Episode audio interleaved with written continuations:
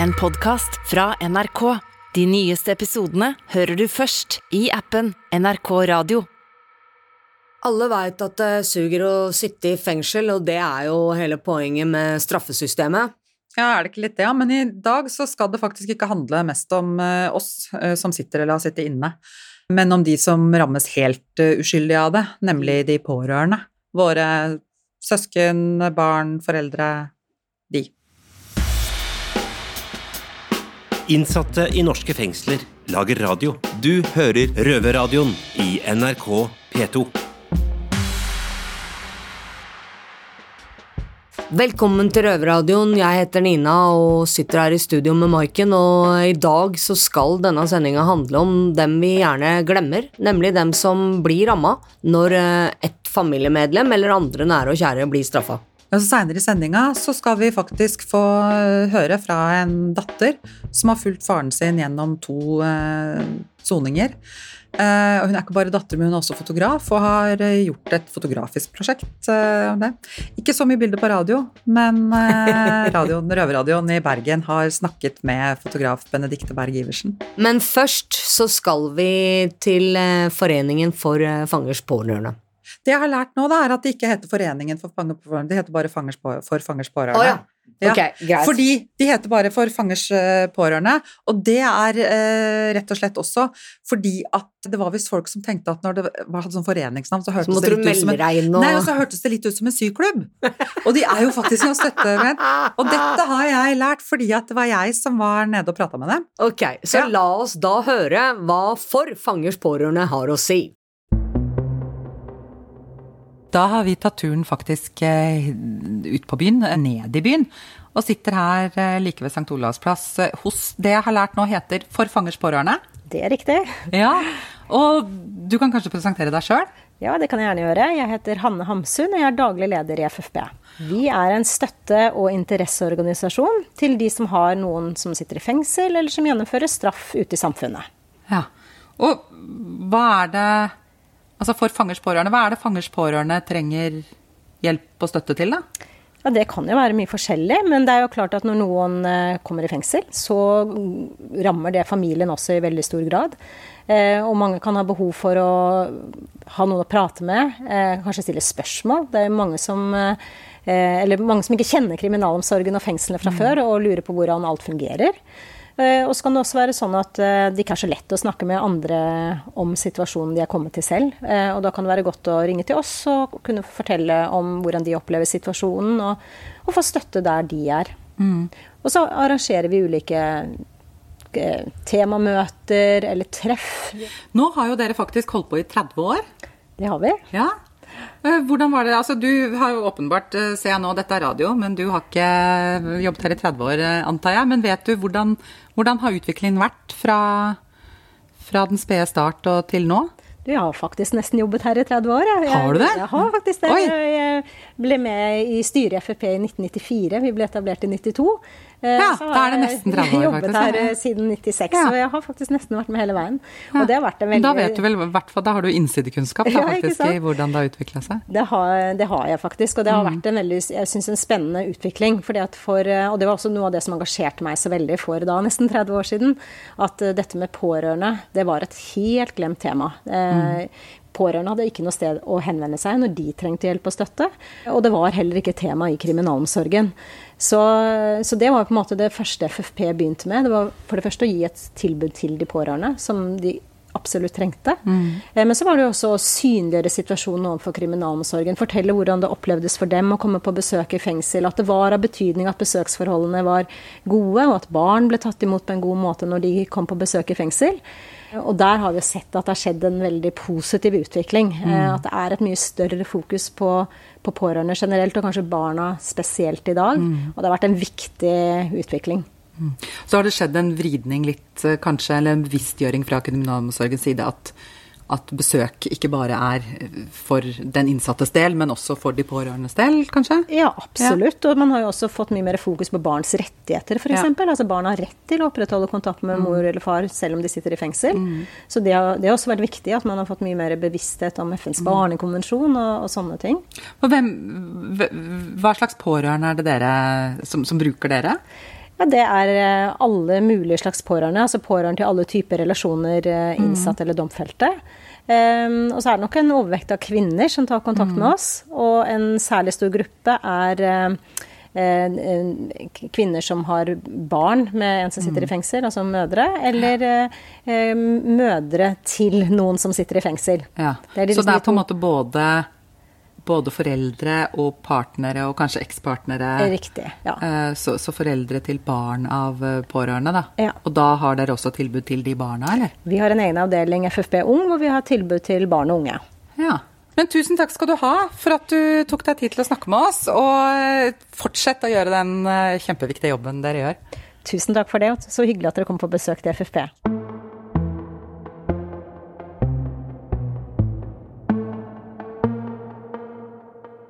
Ja, FFB gjør jo et utrolig bra stykke arbeid, og så viktig, for det er så mange pårørende som ikke veit hvor de skal henvende seg. Så Det er takk for 30 gode år der, og håper det kommer 30 nye Men nå skal vi jo over eh, til eh, si min gamle hud opp på Bredtvet. Vår høre- gamle hud, ja. Nå prøvde jeg å være gangster, hørte Ja, du det? ja, det Ja, men høre fra noen som eh, Underimponert, men greit nok. Sorry, nei, jeg klarer ikke. Altså, Det får være, det får være din rolle. Så får jeg være streitingen. Det er sånn det er her i livet. Men vi skal høre fra noen fra Bredtvet som har Ja. erfaring både som pårørende sjøl, og nå som innsatte med pårørende på utsida.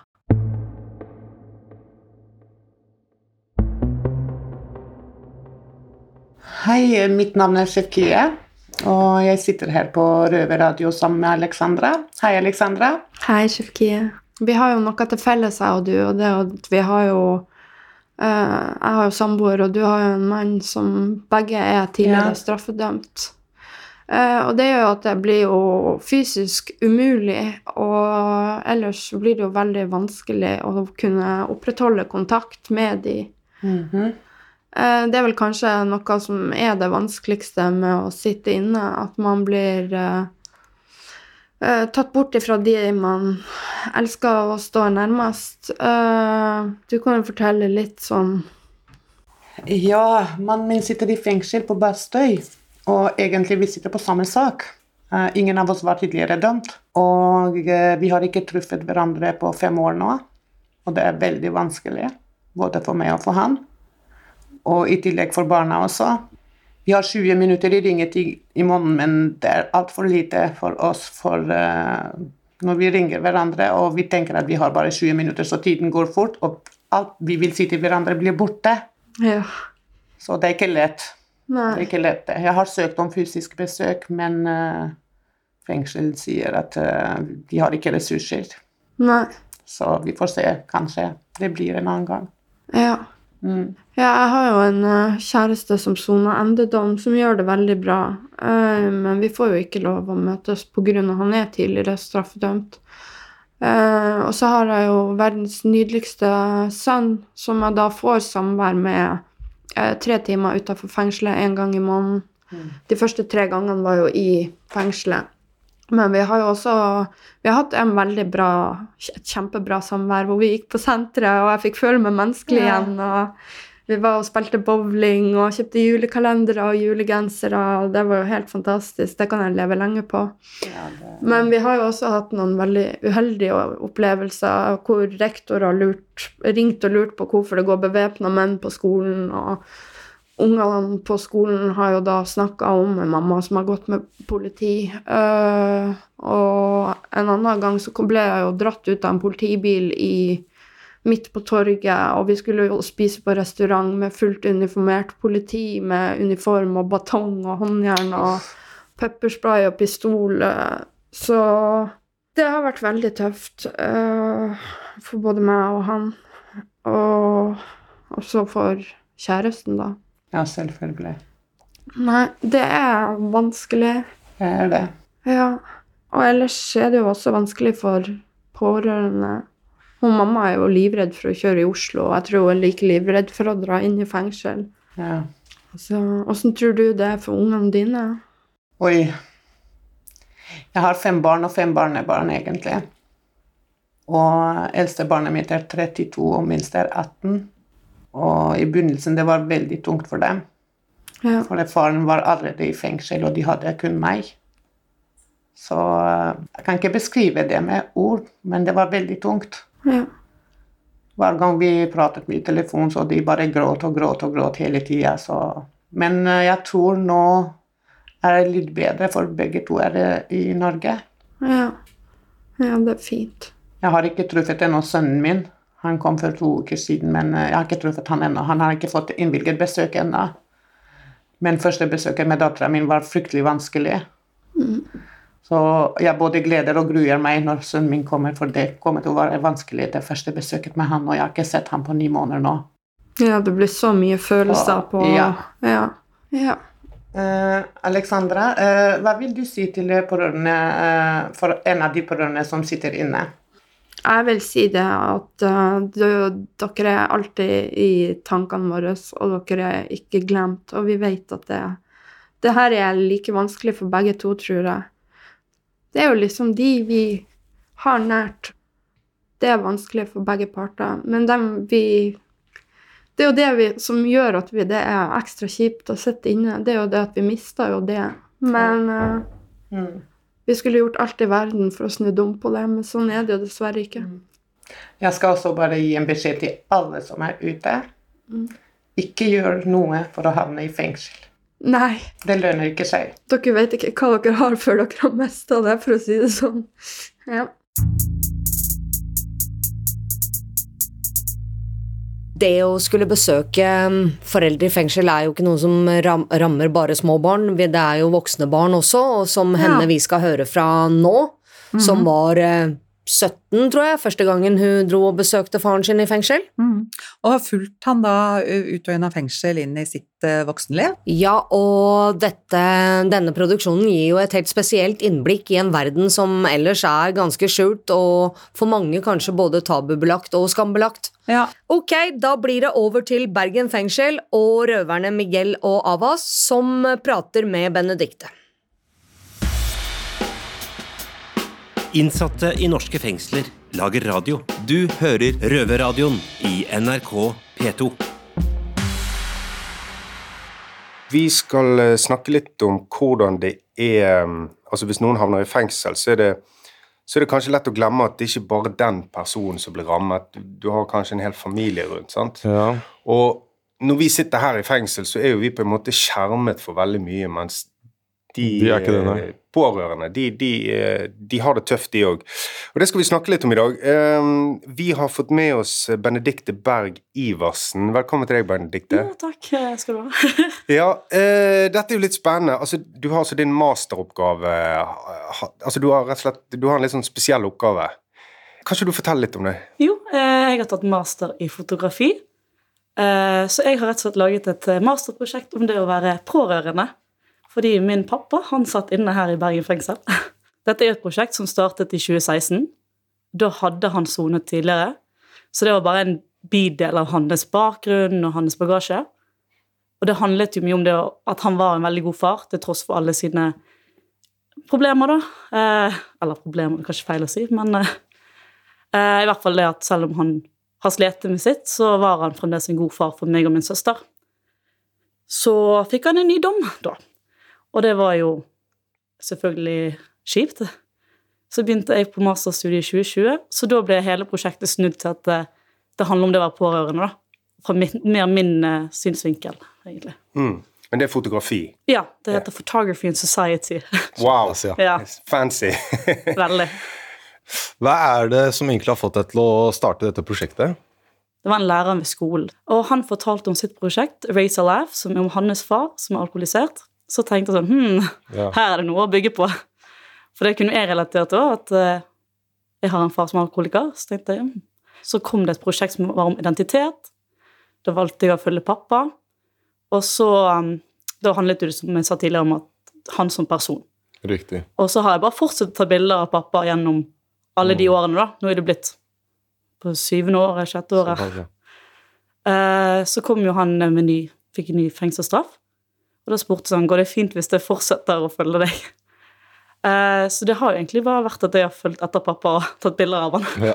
Stakkar kar. Men eh, Hva, det, hva slags eh, tilbakemeldinger er det du har fått eh, angående dette, egentlig? Eh, jeg tror folk er litt redd for å egentlig touche inn på det, fordi at det er så personlig, og så er det ingen som vet hvordan de skal reagere. Men jeg tror kanskje det største var at mamma satt og grein. Jeg bare, ja. Mamma og pappa er jo ikke sammen lenger. Ja. Og, og altså, du, du, har tatt, altså, du har tatt en serie bilder av han, altså hverdagsting, eller er det altså, Ja. alt mulig, sant? Hva er, du, altså, hva er det du prøver å fange i disse bildene?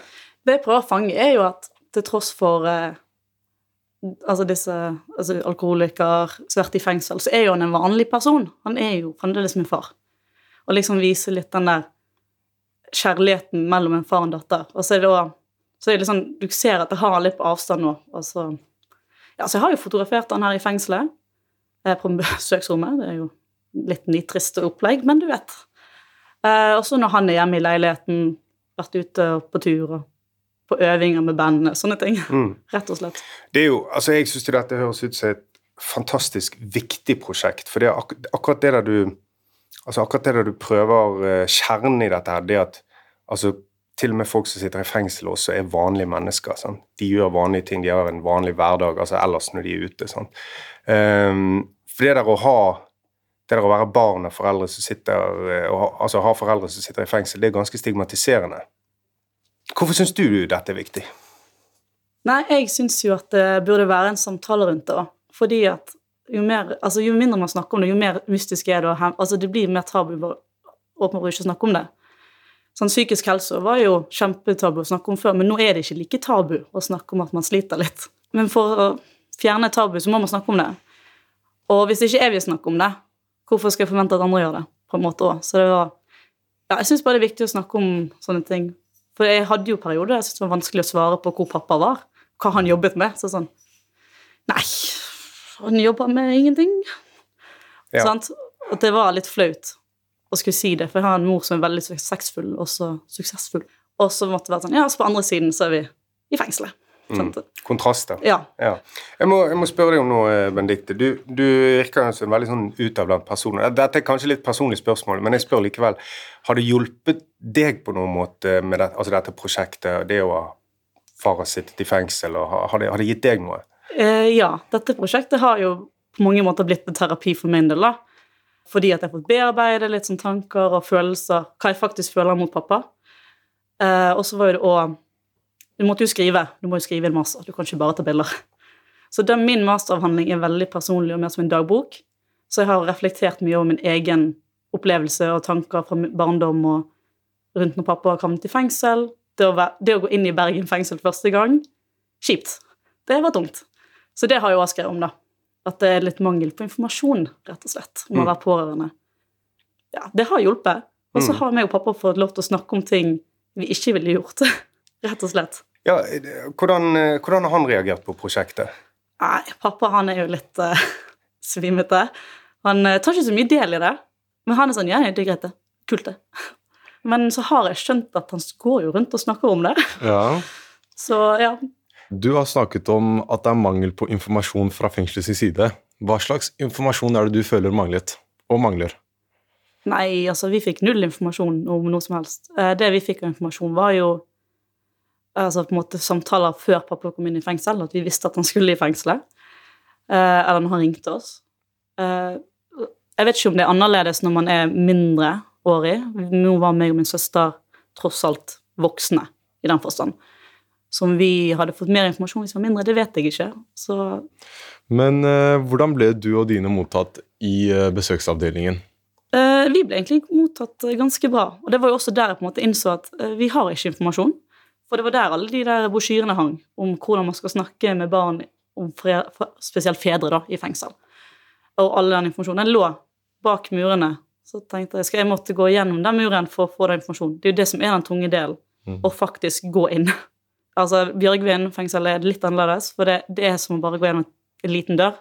Men her er det som du skal sluses inn, og det var sånn Du får et sånt sug i magen. Spesielt de første gangene. Men hvor gammel var du første gangen du besøkte din far i fengsel? Gud, jeg var vel 16-17, 17 kanskje. Ja. Ja. Um, jeg, jeg, jeg kjenner jo litt på det der sjøl. Jeg har jo to barn. Og de har jeg ikke Altså, jeg har ikke hatt besøk av de på Altså, jeg har ikke egentlig sett de noe særlig på fire år. Fordi at det, for de å komme inn her, det kan være en så, såpass traumatisk opplevelse at jeg, altså, det blir mer aktuelt, som du sier, når jeg er på Bjørgvin, altså på, på, i fengsel med lavere sikkerhet. Um, men det er jo klart for uh, Jeg kan jo bare snakke for meg, da, men, men når man har barn det er kanskje noe av det vanskeligste med å sitte i fengsel. Det er ikke frihetsberøvelsen eller regimet vi er under. Det er rett og slett å ikke ha kontakt med barna sine. Det er det aller, aller tøffeste. Eh, og sånn går det sikkert begge veier. Ja, altså det som jeg kjente på altså nå har ikke, Jeg henger ikke mye med pappa, det gjør jeg ikke. Men det er litt rart å ikke bare kunne ta telefonen og si Du, eh, jeg bare lurte på et eller annet. For den telefonen må komme fra han. Han kan ikke vite at jeg lurer på et eller annet vase, liksom meg og min søster prøvde jo veldig å passe på at når vi først var her, så hadde vi alltid med oss masse mynter, så vi kunne kjøpe godteri og brus. Men vi foretrakk å få det i rommet med TV, så vi kunne ha nyhetene på i bakgrunnen. Sånn, jeg ser hva som skjer her i verden. Så vi hadde noe å snakke om. Fordi vi gikk tom for samtaleemner etter hvert. Det, ja, det, det, kunne fort bli sånn pinlig øyeblikk der ingen sa noe. sant? Ja, mer eller mindre. Ja, ja. Så sånn, ja. Og så er, det, så er det kanskje altså, man, Enten man snakker på telefon eller man er på besøk sant? Um, det er liksom begrenset hva som skjer her inne. Det er veldig mye det samme hver dag. Sant? Så, det, så det, ja, det er begrenset litt hva man kan snakke om. Hva, um, hva syns du var altså, du var det vanskeligste med å ha din far i fengsel? Det verste var nok eh, å skulle si det til folk. Ikke at du må, men det blir jo naturlig å skulle være åpen om det til For folk lurer jo på hvor han blir av. Altså, han var vekke i fire år. Hvor har han vært? Uh, så jeg kjente jo på det når jeg jobbet, at når folk spurte om pappa, da så sånn Ja, hva kan man si? Uh, at man var redd for at de skulle dømme meg for hans handlinger, og tenke at å ja, gud, er du slekt med noe sånt? Og så sånn Vet du egentlig at det er et godt menneske som har gjort feiltrinn, og som sikkert er det samme situasjon for de fleste her inne? Um, så i begynnelsen var åpenbart det eller ikke åpenbart, men det var det tøffeste for meg å liksom faktisk skulle si til folk sånn Ja, nå er pappa i fengsel, og så spesielt siden det var andre gangen. Jeg har liksom gått gjennom den før og sånn Ennå vi lagt det bak oss. Og så må du gå og ripe opp igjen i det. Men var det sånn at uh, når du uh, fortalte noen folk uh, at faren din var i fengsel, var det noen som tok avstand fra deg? nei, det tror jeg ikke har vært. Jeg har ikke gjort det sånn at jeg har merket det. Men jeg tror også at det, for noen er det sånn her det er så sjokk for dem at de vet ikke helt hva de skal si eller gjøre. For klar, Du kan ikke relatere til det med mindre du opplever det. Det er ikke som å si at bestefar døde. Det, det, er noe du på en måte kan relatere litt til. At mor eller far plutselig skal i fengsel. Eller en venn eller kjæreste. Det er noe helt annet. Mm. Altså, dette er, jeg synes, altså, dette er et mye viktigere prosjekt, tror jeg, enn bare det at du har fulgt din far og tatt noen bilder og, og, og din personlige greie. Det der å, å få liksom frem at innsatte er mer sammensatt enn bare at de sitter i fengsel. Altså at de har brutt loven og, og sitter i fengsel. Sant? Har du noe du vil si til pårørende der ute som ja, kan synes at situasjonen er vanskelig hvis de får noen eh, av sine nære i fengsel? Ja, nei, altså Nå har jo jeg søkt ned internettet, så jeg vet at det finnes det hjelpetelefoner, eh, blant annet. For fangers pårørende har jo hjelpelinjer. Hvis ikke, så tenker jeg at hvis du har en venn eller en nær en du faktisk tør å betro det til, så hjelper det veldig. Eller å bare skrive ned tankene for seg sjøl. Det funker veldig bra. Og man finner et utløp for disse tankene, og man kan reflektere på egen hånd. Rett og slett. Og jeg tror det er veldig viktig at man ikke sitter helt alene med det. Er det noen spørsmål du har til oss nå som du først er her inne? Eh, ja, det, altså nå har jeg snakket om hvor lite informasjon vi pårørende får, og det jeg lurer på, er jo hvor mye informasjon får egentlig dere om hva dere skal kunne si til familie osv.? Veldig dårlig. Om, vi, om det er pga. at det er dårlig bemanning eller hva det er, det er det jeg er litt usikker på, men, eh, men den kunne vært veldig mye bedre. Ja, nei, jeg skjønner jo, Hvis ikke dere får informasjon om noe, hvordan skal vi som sitter utenfor fengselet, få informasjon? Nei, det... Si det. Og det er jo litt sånn påfallende, akkurat det du sa. sant? Du, du hadde ikke noe informasjon før du kom i fengselet, og alle disse brosjyrene og informasjonen der fikk du når du satt på besøksrommet her inne. altså Bak murene, der ligger all informasjonen. Ja, det er sånn du skal kjøpe en sjokolade eller vil ha med deg en liten brosjyre. jeg vet ikke. Ja. Men jeg gjenkjenner meg i det problemet selv. Jeg har jo en lillebror som er på 16. Og det er mange ganger jeg har ringt han og spurt han hva skjer, skal du ikke bestille besøk, og så sier han til meg ja, men jeg vet ikke hvordan jeg skal gjøre det. Nei, det er jo litt uh, krokkete system, det der. Eh, jeg må bare takke deg for besøket, Benedicte. Dette har vært superinteressant. Eh, og så vil jeg ønske deg masse lykke til videre. Jo, tusen takk.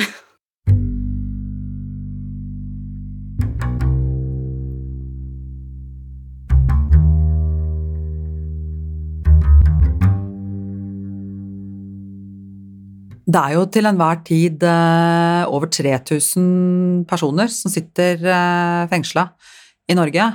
Og hvis hver av de kanskje har tre-fire pårørende, da, så er det jo over 10 000 mennesker som er berørt av at noen soner. Det er det. Og det jeg beit meg merke i, var eh, det hun fortalte om at eh, det hjalp for henne å kunne gjøre dette prosjektet, det var, Ja, ja, ja. men det å kunne prate med folk om det, og derfor eh, så tenker jeg at det er så viktig at folk prøver på det, fordi det Mm. er en veldig belastning å ha en som sitter inne. Jeg har jo opplevd det sjøl. Jeg var jo, selv om jeg levde som kriminell den gangen, og Mm. så samboeren min satt jo av de åtte åra vi levde sammen, over eh, to år i fengsel. Mm. Og selv om jeg da var en del av det miljøet, så var det en enorm belastning naturligvis å ha en som sitter inne for det. Og det savnet, den sorgen, og det at alle andres liv går videre, mens ditt eget står på vent, ikke sant. Særlig da som partner til en innsatt, Ja, eh, og vente, ikke sant. Mm. Men eh, så, Og det og, og å ha noen likesinnede å prate med da, gjør det jo ekstra tomt. Og det er jo ikke alltid bare det altså at, Det er ikke alltid prating er nødvendig heller, for det å møte noen som er i en tilsvarende situasjon, kan jo nettopp gjøre at man tenker at her trenger man ikke forklare, her trenger man ikke prate. Eh, ikke sant? For det, det er noen som vet hvordan du har Det er noen som har det på samme måte. Eh, og jeg må jo si at jeg eh, har jo kjent på det. Altså jeg husker første gang jeg fikk eh, Den startet da jeg sonet mens det var korona.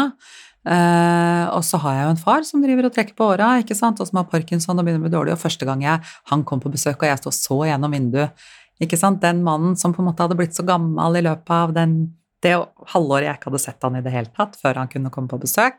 Det er ganske brutalt, altså. Mm.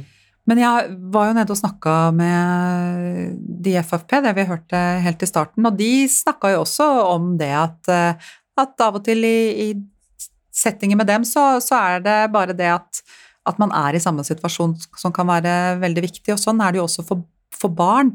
Å møte noen der det er forskjell på å vite at andre har det sånn som deg, at vite at du er ikke den eneste med en mamma eller pappa i fengsel, og det å møte noen som også har en mamma og pappa i fengsel.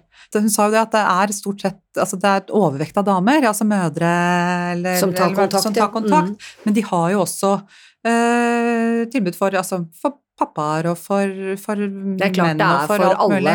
alle det er for alle. Mm. Um, og det vi bare vil si om FFP, det er at de er jo en landsdekkende Vi snakka med dem her i Oslo, men de er jo en landsdekkende organisasjon. Uh, så man kan jo bare gå inn på ffp.no, så finner man sin lokale. Og så har de en hjelpetelefon for de som syns det er greiere, og den har nummer 22 11 41 30.